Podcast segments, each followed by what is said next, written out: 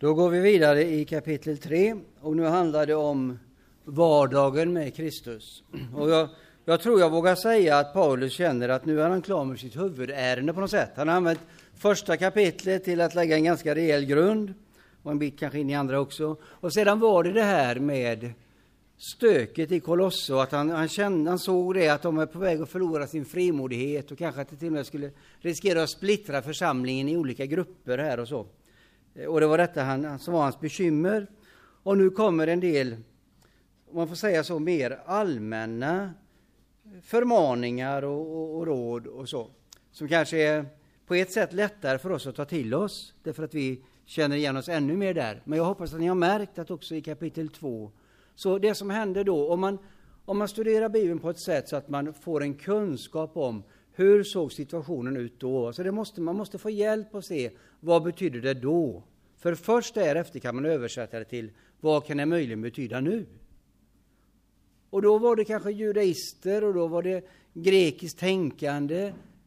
Men vi känner igen att det där med lagiskhet, det kan se olika ut. Det här med överanlighet kan se olika ut. Det här med att man är fast i vad andra människor tycker och tänker kan se olika ut. Men om man bara förstått att det handlar om det då, så ser man, vad säger Paulus om detta till oss nu? Och det gäller egentligen allt, allt bibelstudium, att man får lägga krut på att förstå både då-betydelsen och därefter tolkningen. Men börjar man med tolkningen utan att ha förstått vad det betyder då, så kan man hamna nästan var som helst. Ju. Nu går vi vidare, Kolosserbrevet 3, de första elva verserna. Allt sammans här handlar nu om vardagen med Kristus. 1-11. Om ni alltså har uppstått med Kristus, sträva då efter det som finns där uppe, där Kristus sitter på Guds högra sida. Tänk på det som finns där uppe, inte på det som finns på jorden. Ni har ju dött och ni lever ett osynligt liv tillsammans med Kristus hos Gud. Men när Kristus träder fram, han som är ert liv, då ska också ni träda fram i härlighet tillsammans med honom. Döda därför det jordiska hos er, otukt, orenhet, lidelser och onda lustar och själviskheten, detta avguderi. Sådant framkallar Guds vrede, och det fyllde även er tillvaro när ni levde mitt uppe i det. Men nu måste också ni lägga bort allt detta, vrede, häftighet, ondska, oförskämdhet och alla skändligheter som kommer ur er mun. Ljug inte för varandra. Ni har ju klätt av er den gamla människan och hennes vanor och klätt er i den nya, som förnyas till verklig kunskap och blir en bild av sin skapare. Då är ingen grek eller jude, omskuren eller oomskuren, barbar, skyt, slav eller fri. Nej, Kristus blir allt och i alla. Vi stannar där så länge. Alltså vers 1. Om ni har uppstått, om ni alltså har uppstått med Kristus, eh, så börjar Paulus. Utgångspunkten är det som har skett redan. Och det, det kan ni se, och det kommer vi att se mer i, senare, att i all, all, all förmaning som Paulus har i Nya Testamentet, så ser ni att han börjar nästan, jag tror jag kan säga att han börjar aldrig direkt med förmaningen. Utan han börjar alltid med det som har skett. Alltså, man talar om Paulus indikativ imperativ schema. De teologerna gör det. Indikativet är ett faktum. Där börjar han alltid. Ni har ju uppstått. Jesus har ju dött för er. Så, och så kommer imperativet. Lev då i honom eller något liknande. Så gör han också här. Om ni alltså har uppstått i Kristus, eller med Kristus, sträva då efter det som tillhör framtiden, det som finns där uppe, det som finns där framme. Eh, tänk på det som finns där uppe. Jag tycker inte om ordet där uppe, men eh, det står ju så. Eh, men det betyder ju också där framme, alltså det som finns i, i fulländningen, i den osynliga dimensionen av tillvaron, som är här redan nu. Sträva efter det.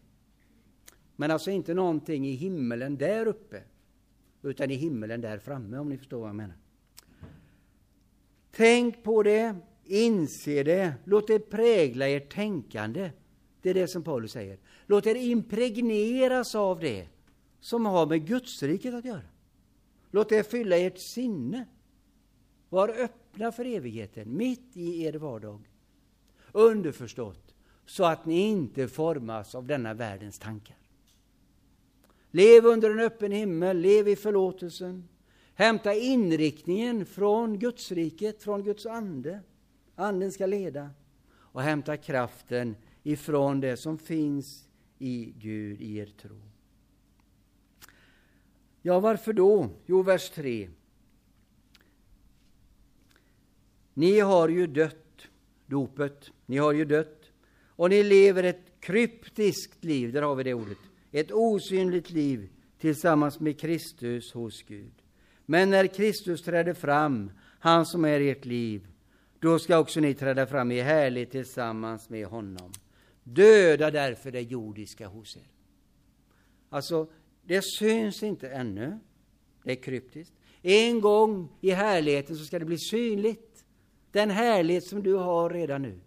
Men eftersom du tillhör det här nya, det här nya medborgarskapet, eftersom du lever i Guds rike nu, så lev som ett Guds rikes barn.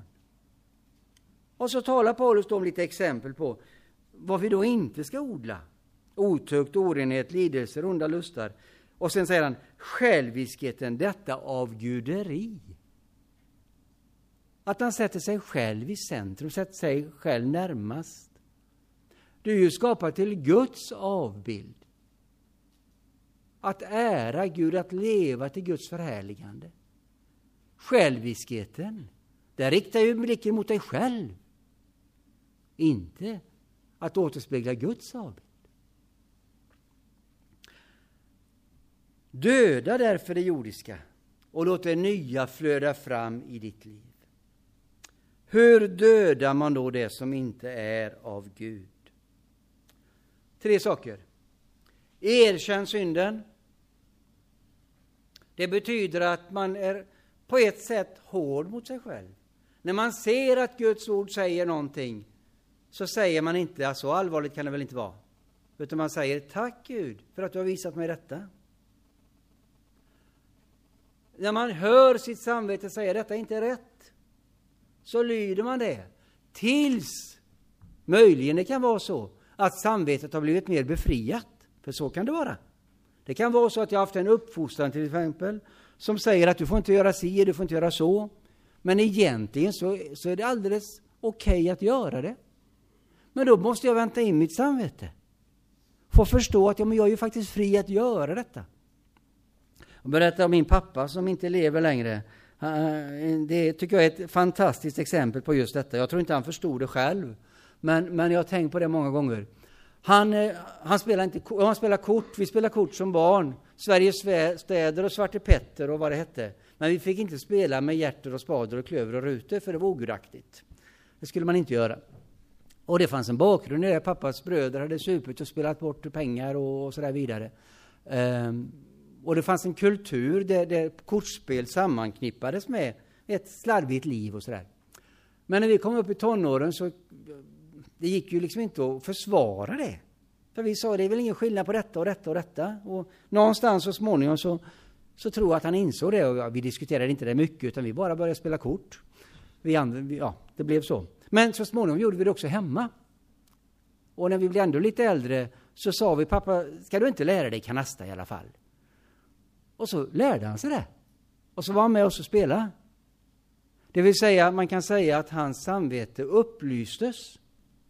För jag tror inte att han tyckte då att det var något fel. Utan han förstod detta och det upplystes. Och så tyckte han, ja men det kan jag faktiskt göra. Fast man hade en tradition med sig där man inte kunde göra det. Men nu kommer det fina i kråksången. Efter ett tag så sa han, nej hörni, ni får spela själva, men jag, jag vill inte göra det. Då hade samvetet hunnit fatta honom. Han visste att han kan inte lägga den mallen på oss. Han visste att det egentligen inte var fel.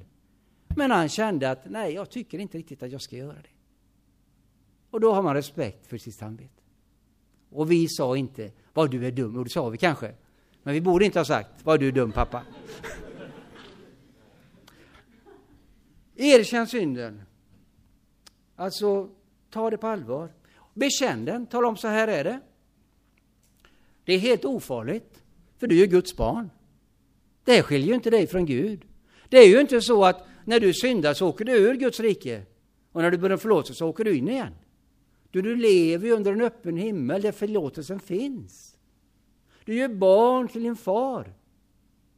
Och så kommer du till honom och säger förlåt pappa för detta och detta och detta. Men det betyder ju inte att du inte var hans barn innan du bad om förlåtelse.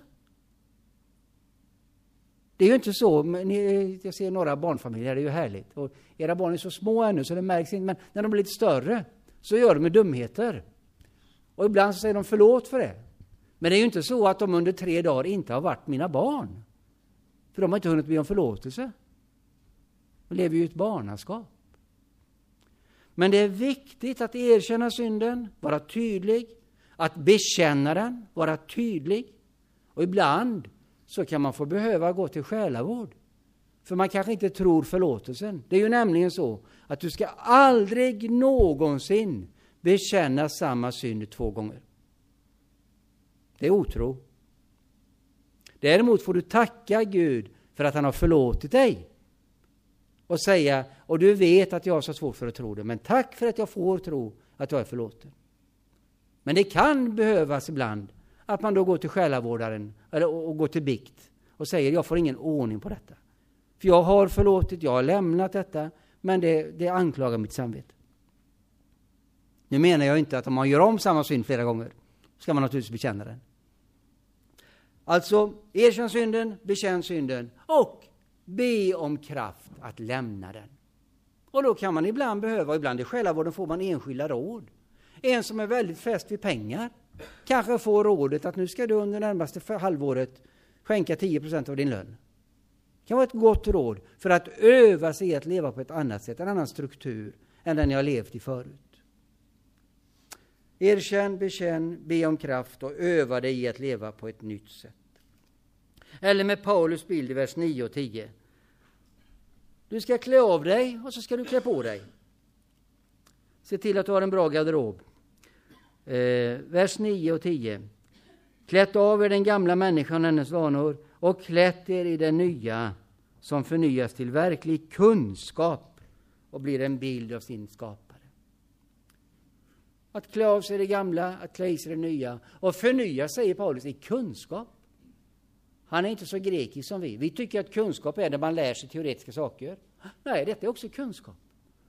Att leva rätt och gott och riktigt. Insikt. Och så finns det en konsekvens. Om jag lever i syndernas förlåtelse och i medvetenhet om villkoren för mig som kristen, så är vi alla så att säga i samma grupp, i samma gemenskap. Då kan de där gamla sociala skillnaderna, de betyder inget längre.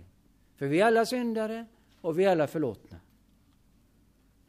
Då är ingen grek eller jude, omskuren eller oomskuren, barbar, skytt, slav eller fri. Nej, i Kristus, nej, Kristus blir allt och i alla.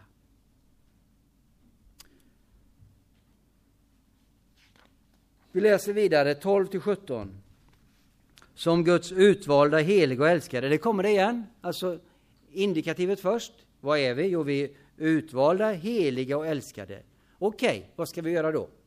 Som Guds utvalda, heliga och älskade skall ni alltså klä er i innerlig medkänsla, vänlighet, ödmjukhet, mildhet och tålamod. Ha fördrag med varandra och var överseende om någon har något att förebrå någon. Liksom Herren har förlåtit er ska också ni förlåta. Men över allt detta ska ni ha kärleken, det band som ger fullkomlighet. Låt Kristi frid råda i era hjärtan, den som ni kallades till som lämmar i en och samma kropp. Visa er tacksamhet.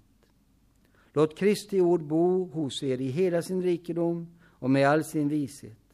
Lär och vägled varandra med salmer, hymner och andlig sång i kraft av nåden och sjung Guds lov i era hjärtan. Låt allt vad ni gör, i ord eller handling, ske i Herren Jesu namn och tacka Gud Fadern genom honom. Klä er i detta. Vad finns då i den kristnes garderob, om man får använda sig så, så, så, så slarvigt? Från vers 12. I vers 12, medkänslan. Se på din medmänniska. Titta på de som går på lägret och som kanske känner sig ensamma. Det kunde ju varit du. Hur skulle du velat att du skulle bli bemött? alltså medkänsla. Vänligheten. Stefan Einhorn skrev en bok för några år sedan, Konsten att vara snäll. Och det, det blev en jättegrej av det. Ska man vara snäll? Vi är ju vana vid att det ska vara konflikt. Tes och antites, sa Hegel och Marx. Och det lever vi. Vi ska ta vara på våra rättigheter. Vad är min skyldighet? Var går gränserna någonstans? Vad ska du göra? Vad kan jag kräva av samhället? Du, de måste ju ställa upp. Vänlighet. Att vara snäll, att bjuda på lite. Ödmjukhet. Tänk om det är så att inte jag alltid måste vara i centrum. Det kanske går att någon annan får synas och höras också.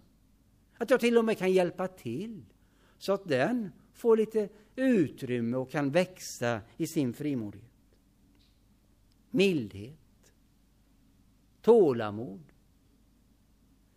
Jag tror det är Bengt Player som säger att tålamod är, det är modet att... Vad är det han säger? Modet att... Ja, det var väl bra i alla fall. Ja, jag vet inte om det var modet att vara långsam, kan det ha varit det? Ja, det, det, var, det låter hållet i alla fall. Alltså att, att man inte måste skynda på, det är tålamod. Att vara modig att vänta. Att kunna vänta in en situation, ett sammanhang. Ibland kanske Gud behöver förbereda någonting. Vänta in en människa. Ha fördrag med varandra, vers 13 överseende mot varandra. Och det betyder ju inte det de som är jättetrevliga och snälla och alltid kompisar. Utan det handlar om att ha fördrag med dem som är bedrövliga. De som övar mig i tålamod. De som kanske Gud har sänt i min väg för att jag ska kunna bli lite mer tålmodig. Jag hade, har en god vän, vi har inte så mycket kontakt nu, men vi jobbade ihop för många år sedan på ett, ett, ett behandlingshem, eller ett sammanhang. Eh, och eh, ett kristet sammanhang, det var nästan lite kollektivaktigt. Ingsered hette det om någon känner till det. Eh, och eh, hon berättade då att eh, hon hade under en ganska lång period bett Gud om att få tålamod. Eh, och ungefär samtidigt så fick vi väldigt jobbiga gäster. Eh, och hade det ganska tufft. Och när den där perioden, inte just då naturligtvis, för då inser man inte det, men när den där perioden var över och hon tänkte tillbaka, så förstod hon att i någon mening var det också ett bönesvar. För det övade henne i tålamod. Så tänk på vad ni ber om ni ber om tålamod, då vet man inte vad som händer. Var överseende, förlåt liksom Jesus har förlåtit. Alltså det perspektivet. Vem är jag att inte jag ska kunna bjuda henne eller honom på det? när Jesus har förlåtit mig allt sammans. Kärleken, vers 14. Kärleken som Kärleken, det band som ger fullkomlighet. Kärleken som binder ihop. Som gör att människor kommer med. Kärleken till varandra. Och så shalom, eirene, frid. Ehm, var i vers 15. Ska säga. Låt Kristi frid råda i era hjärtan. Och då förstår ni att Kristi frid är ju inte en känsla. Utan det är ju just detta.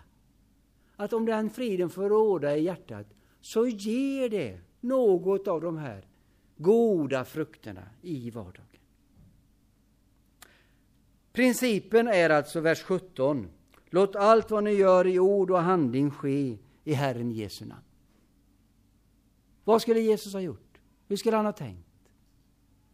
Och kraftkällan är vers 16. Låt Kristi ord bo hos er i hela sin rikedom och med all sin vishet.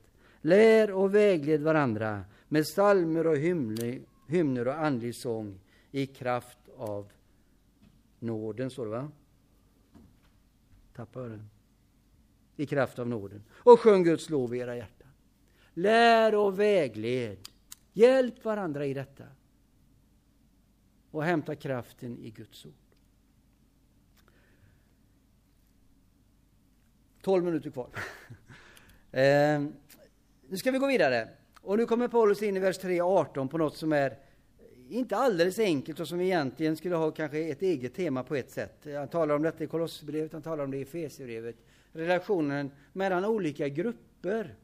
Och här handlar det om man, kvinna, barn, föräldrar och slav, herre. Eh, kanske att det idag handlar om arbetsgivare, arbetstagare snarare än slav, herre. Vi har, inte, har inget slaveri eh, på det sättet. Men det är tre grupper han lyfter fram och det handlar liksom om hur ska vi relatera till varandra när vi har olika uppgifter, olika funktioner, olika ansvar. Eh, och jag tror att vi läser, vi läser först sammanhanget och så får vi gå vidare. 3.18 till 4.1. Ni kvinnor, underordna er era män som det anstår kristna. Ni män, älska era hustrur och var inte elaka mot dem. Ni barn, lyd era föräldrar i allt, ty så bör det vara bland kristna. Ni fäder, reta inte upp era barn, då tappar de modet. Ni slavar, lyd i allt era jordiska herrar, inte som inställsamma ögontjänare, utan ärligt och uppriktigt i fruktan för Herren. Vad ni gör ska ni göra helhjärtat, det gäller ju Herren och inte människor. Tänk på att det är Herren som ska ge er belöningen, er del av arvet. Kristus är er Herre och ni ska tjäna honom. Till den som gör orätt ska få sitt straff för vad han har gjort och då tas ingen hänsyn till person. Ni som är herrar och har slavar, låt dem få vad som är rätt och skäligt. Tänk på att också ni har en Herre i himlen. Hur ska vi förstå det här idag, det som ibland kallas hustavlorna? Alltså olika grupper i samhället. Underordning, lydnad, slavar. 2013. Uttrycker inte det en gammal tids förhållande? Jo, naturligtvis gör det det. Vi kan inte bara rakt av översätta detta. I det grekiska samhället så fick kvinnan till exempel inte ha någon del alls i det offentliga, alltså, offentliga livet. Självklart inte rösträtt eller så, det fick man ju 1921 var det väl i Sverige? Eller jag tror det, 21. Um, ehm, hon fick inte med självklarhet äta måltiderna tillsammans med mannen. Hon kunde göra det ibland, men det var inte självklart. Utan antagligen ofta så åt, åt mannen med sin, sin, sin grupp, så att säga, sina kompisar. Och kvinnan fick hålla sig någon annanstans. I sitt eget hem alltså. När det gäller far, föräldrar och barn så hade ju fadern all bestämmanderätt över barnen. I antiken kunde pappan bestämma att barnet skulle dömas till döden. Alltså om det hade varit olydigt på något sätt så kunde man avrätta sitt barn. Det var inget, ingen, ingen juridik runt det, utan det var, var pappans rätt. Slavarna hade ju en mycket varierande situation. Här och var i antiken så hade de det nog ganska bra. Så man kan liksom inte bara översätta amerikanskt sydstatsslaveri och rätt av säga så hade de det. Eh, men ofta hade de det jättebesvärligt. Alltså det kunde variera beroende på vilken herre de hade. Situationen är alltså annorlunda hos oss. Men det har ändå något väldigt tydligt att säga oss, nämligen det att Paulus bryter här ny mark för de som är mest utsatta i samhället. För kvinnan, för barnet, för slaven. Det var oerhört chockerande att säga att inte bara mannen, eh, att inte bara kvinnan skulle underordna sig sin man, utan att mannen skulle älska sin hustru och inte vara elaka mot henne. Vad är det för dumhet? Skulle mannen ha någon skyldighet mot sin hustru? Otroligt. Eller barnet. Det är klart att barnet ska lyda. Det är ju den ordningen vi har. Men skulle fadern kunna anklagas för att han retat upp sitt barn? Det är väl hans rätt? Eller slaveriet. Det är klart att slaven ska lyda. Men Herren, den som äger slaven, vers 1. Låt dem få vad som är rätt och skäligt. Skulle han ha något ansvar? Och så kommer ett gott argument på slutet där. Tänk på att också ni har en Herre i himlen. Alltså allt detta som görs i olika grupper, olika relationer, så gör du det inför Herren i himlen. Några saker eh, som jag ändå vill beröra när det gäller de här grupperna. Och, men vi, det kan inte bli utförligt, det förstår ni. Mannen och kvinnan i äktenskapet först. Vi kan ändå säga att utifrån skriften så är det så att ett kristet äktenskap det är ett förhållande mellan en man och en kvinna. Det behöver faktiskt sägas idag.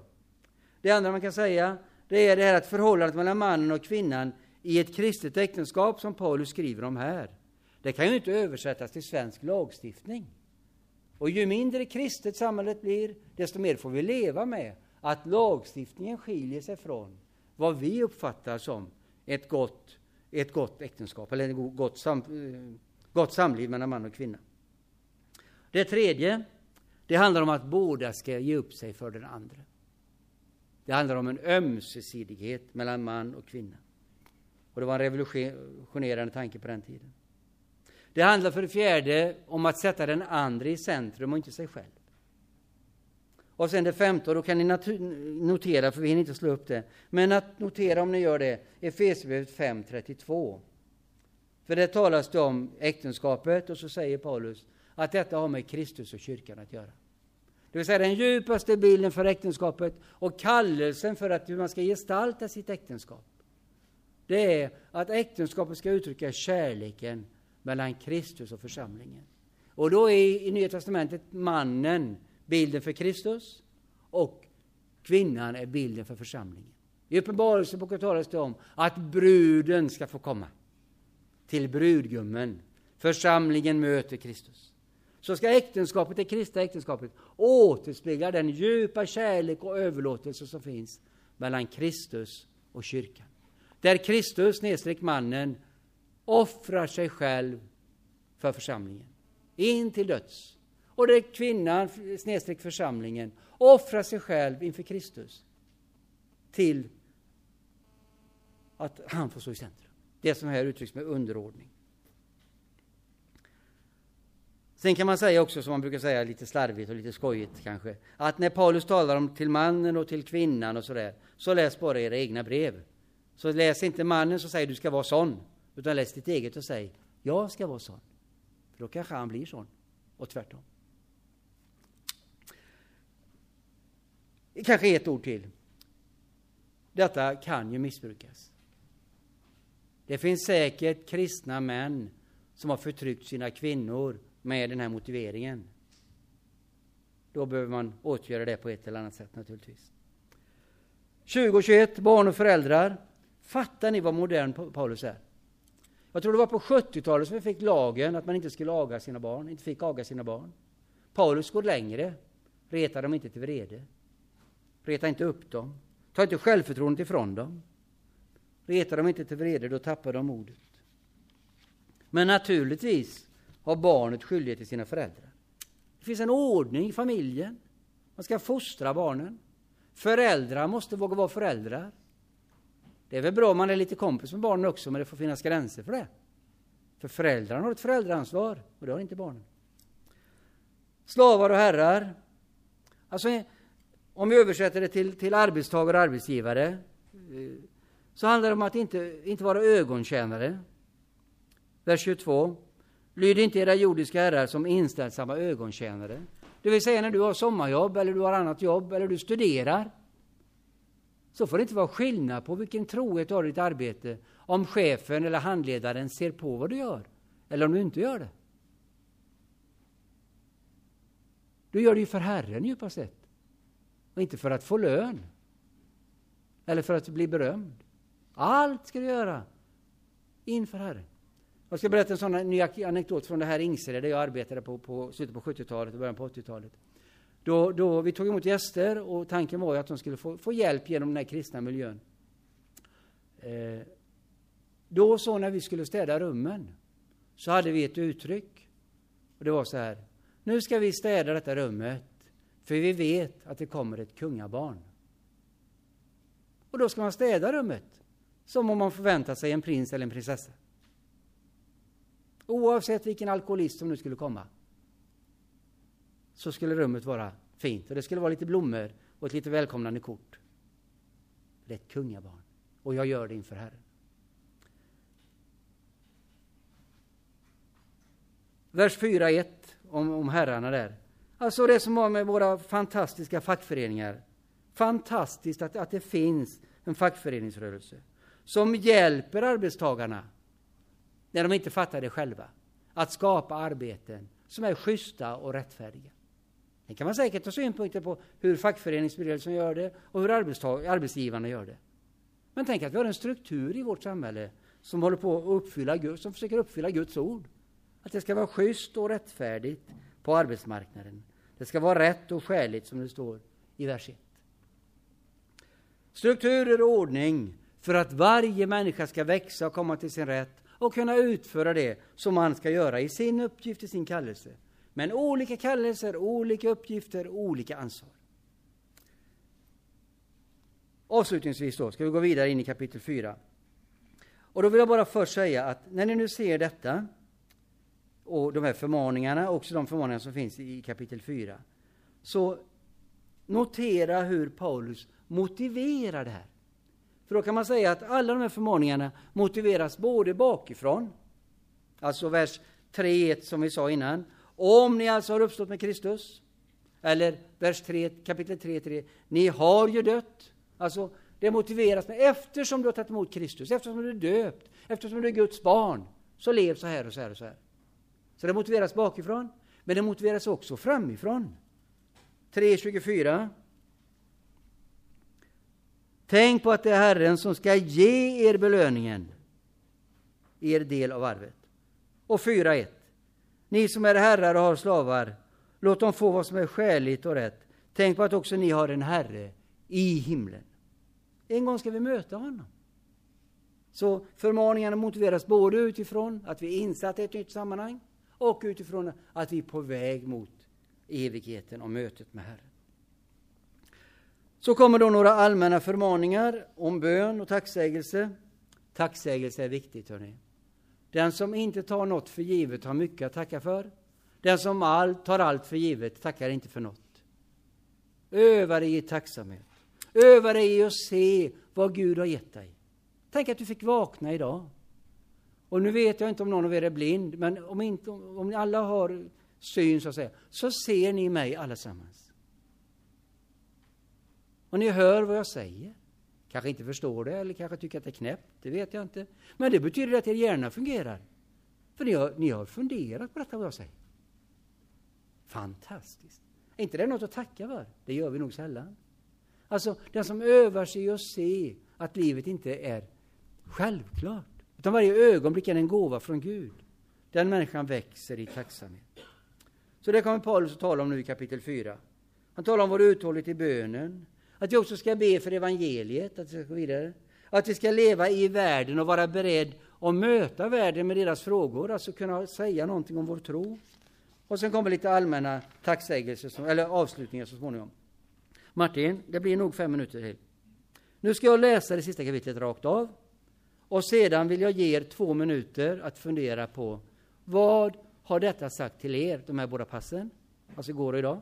Och sen kommer det fyra avslutande varningar från Paulus. Det kanske blir tio minuter, Martin. Mm. Vi läser kapitel 4 från vers 2. Var uthålliga i bönen, vaka och be under, ständ, under tacksägelse. Be då också för oss att Gud öppnar en dörr för ordet, så att jag kan predika hemligheten med Kristus. Det är för den jag är fängslad, och göra den känd och tala som jag bör. Visa klokhet i umgänget med utomstående och ta väl vara på tiden. Lägg alltid era ord väl och ge dem sälta. Ni måste veta hur ni ska svara var och en. Tykikos, en kär broder och trogen medarbetare i Herrens tjänst, ska berätta allt om hur jag har det. Jag sänder honom till er just för att ni ska få veta hur det är med oss och få uppmuntran av honom. Han har sällskap med vår trogne och käre broder Onesimos, som ju är en av er, och det kommer att berätta om allting här. Min medfånge Aristarkos hälsar er och likaså Markus, Barnabas kusin. För hans del har ni redan fått anvisningar. Ta väl emot honom när han kommer. Jesus, han som kallas Justus, hälsar också. Av de omskurna är dessa de enda som arbetar tillsammans med mig för Guds rike, och de har gett mig stöd och uppmuntran. Hälsningar från Epafras, som ju är en av er. Han tjänar Kristus Jesus och kämpar alltid för er i sina böner, för att ni ska stå fasta och vara fullkomliga och helt uppfyllda av Guds vilja. Jag kan vittna om hur han arbetar för er och för dem i Laodikeia och i Hierapolis. Vår käre Lukas, läkaren, hälsar liksom Demas. Hälsa till bröderna i Laodikeia och till Nymfas och församlingen som möts i hans hus. När mitt brev har blivit uppläst hos er, ordna då så att det också blir uppläst hos församlingen i Laodikeia och att ni får läsa det brev som de har fått. Och säg åt Ar Arkippos, se till att du följer den tjänst som Herren har gett dig. Här skriver jag Paulus min hälsning med egen hand. Glöm inte mina bojor. Nåd åt er alla. Noterade ni att Markus och Lukas som är här? Alltså våra evangelister förmodligen. Ibland så sägs det ju att ja, Paulus kan man ju inte lita på kanske, men jag håller mig till evangeliet och så där vidare. Så liksom sorterar man upp det här. Tänk då på att, att de här mötte ju varandra, delade traditioner med varandra, fanns i en gemenskap. Hörni, två minuter där ni vänder er till den som sitter jämte er och så säger ni någonting om något som ni har tänkt igår förmiddag eller idag förmiddag. Men bara, bara precis så vi sätter igång det. Och sen får du gärna fortsätta det samtalet. Men bara sätta igång det nu.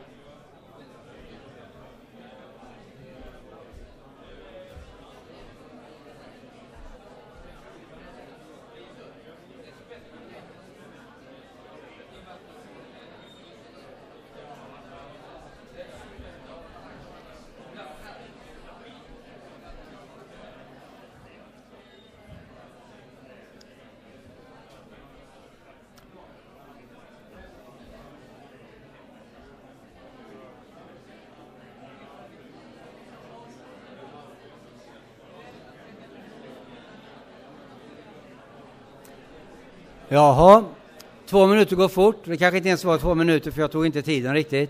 Jag vill bara sätta igång processen så att säga. Fortsätt att tänka, ta med er detta, dela det med varandra. Martin har sagt i sin stora godhet att jag får hålla på tio minuter till. Eh, ni som är förebedjare har en viktig tjänst. Eh, och eh, det betyder att ni får gärna gå och vara förebedjare och, och göra den tjänsten. Men om det är så att ni vill vara kvar så säger också Martin i sin stora godhet att ni får det. Så är det. Då vill jag samla ihop det här eh, med Kolosserbrevet i fyra förmaningar, varningar från, från, eh, från Paulus. Som jag tror också har med oss att göra. Det första är varning för religionsblandning, det som på fint språk heter synkretism. Han säger ju i Kolosserbrevet 2.16 eh, Nej, förlåt, Kolosserbrevet 1.16. Um, ehm, om detta med Kristus, att han är... Um, allt skapades i honom, på jorden, synligt och osynligt, troner, herravälde, härskare och makter. Allt är skapat genom honom och till honom. Han finns före allting och allt hålls samman i honom. Allt är alltså skapat till Kristus. I djupet på varje människa finns en längtan efter Kristus. Alla människor är religiösa, om man uttrycker sig så. Alltså man förstår någonstans att livet måste vara större än detta ögonblicket på jorden. Någonstans så finns den kunskapen i skapelsen redan, i skapelsens grundstruktur. Sen är vi förblindade i vår tid. Vi är förblindade av evolutionsläran. Eh, det är möjligt att Gud har skapat med hjälp av evolution, det säger jag ingenting om nu. Men vi är förblindade av själva filosofin runt detta. Att någonting skulle bli ur, liksom ur ingenting och ju äldre det blir, ju bättre blir det. Så är det inte med min bil i alla fall. Eh, alltså det finns en blindhet i att allt går att förklara med tid. Skapelsen vittnar om att det finns en skapare. Ingen tror att den här mikrofonen har kommit till av sig själv. Men en stor del av västvärlden tror att hela universum har kommit till av sig själv. Det betyder alltså att eftersom varje människa är skapad till Gud så finns en längtan efter Gud, ett sökande efter Gud. Och då är det också så att man väldigt lätt identifierar varje sökande med Gud med sanningen. Alltså varje sökande efter Gud med sanningen. Och särskilt i en postmodern tid där man inte vågar tro att det finns, eh, finns objektiva sanningar. Utan då blir din sanning din och min sanning min. Allt är skapat till Herren, säger Paulus. Inte till religion. Inte till att hitta sin egen väg. Men varje religion är ett uttryck för detta. Därför är det gott att människor söker, men man söker ibland på fel ställen. Alltså var det första. Allt är skapat till honom och därför måste vårt sökande ha en riktning mot Jesus. Gud har kommit till oss. Det finns en riktning ifrån Gud, nämligen uppenbarelsen. Och där ska vi då hjälpa människor att söka. Och där ska vi söka själva. Och då är det ju självklart så att om alla söker överallt och kommer med tankar om vad religion är och vad livet är och vad som är sant och rätt, så stämmer inte allt med det som Gud har uppenbarat. Då får vi leva i detta. Att Gud har visat oss en hemlighet som inte alla ännu har sett. Det som Paulus talar om här. Alltså varning för religionsblandning, men bejakelse av religion. Det är ju underbart att hinduerna söker Gud. Att muslimerna har en Gud som de ber. Tänk att de ber till Gud. Vi kanske till och med kan be tillsammans med en muslimsk broder och vän.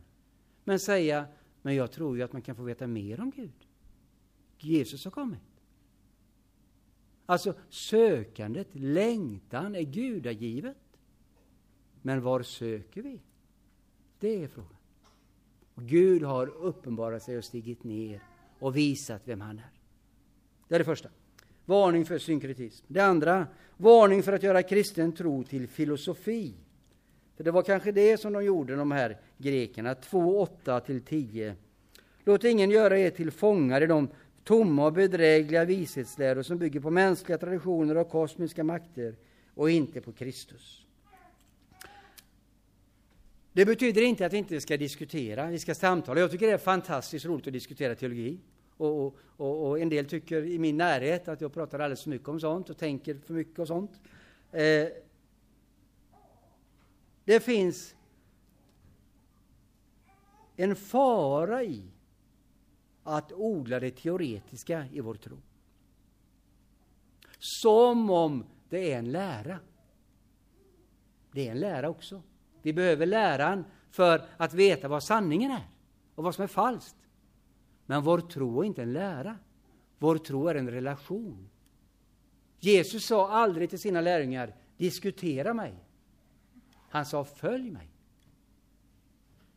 Alltså varning för att göra kristen tro till filosofi. Tredje utav de här fyra varningarna av Paulus från Kolosserbrevet.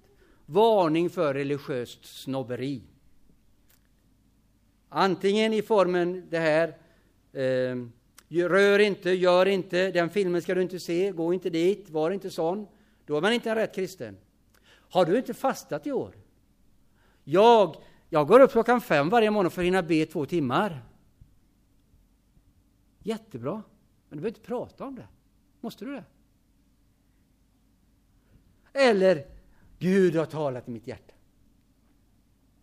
När det gäller eh, profetia och så, så, jag brukar säga det, jag kan bara ta som ett exempel, att om, jag tror att det kan ofta vara så, och vi kan öva oss i det också tror jag, att känna igen Guds röst. Att man kan få en, ett, ett infall kanske man kan säga. Man kan få en tanke man inte kan släppa. Jag borde besöka den. Jag borde ringa den. Jag borde göra det. Då kan man göra det på två sätt. Om man är lite, lite tramsig nu. Man kan antingen säga att man ringer upp och så säger man, gärna med en liten speciell röst. Gud har talat till mig att jag ska ringa till dig, hur har du det? Mm, så. Eller kan man säga, hej det var länge sedan, hur är det?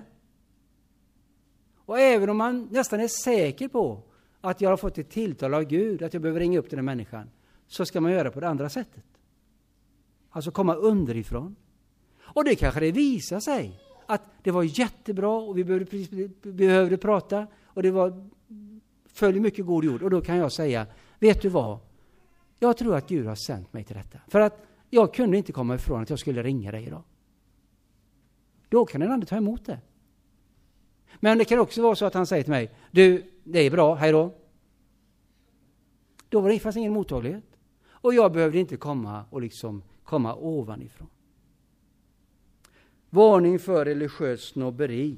Men också det här att vi säger saker till varandra utifrån vår egen mall. Eftersom jag tänker att så här ska man göra, så här ska jag göra med mitt söndagsfirande, så här ska jag göra med, mina, med min struktur i livet, så här ska jag göra med detta och detta och detta. Det har jag funnit vara bra, så lägger jag det som mall på andra. Nej. Det kanske finns en annan struktur som fungerar väl för den andra. Eller mina upplevelser. Visst ska jag dela att Gud har kommit mig nära. Men jag ska också vara känslig med hur jag delar det. Så att inte jag sprider ett missmod mot den som kanske fått möta Gud på ett annat sätt. Tänk så många på 70-talet i min generation som var förtvivlade över att de inte hade tungotalet. Jag har aldrig talat i tungor mig veteligt. Jag har goda vänner som gör det.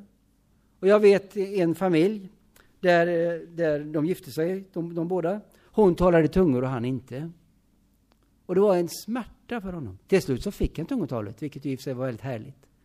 Men på något sätt den känslan att, att det finns någonting som min hustru har och jag är inte i samma nivå.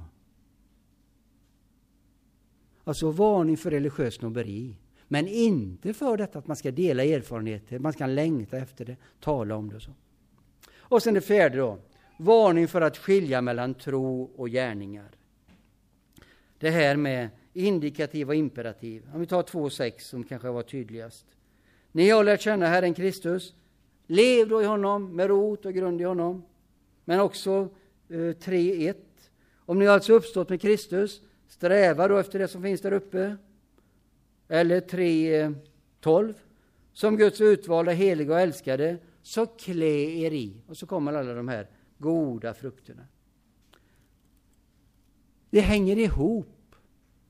Ord och handling, tro och gärning. Det är det det kommer att handla om på söndag i kyrkan. Då är det det temat. Tron handlar om att få möta Jesus i mitt liv och så får det utflöde i mina händer och fötter.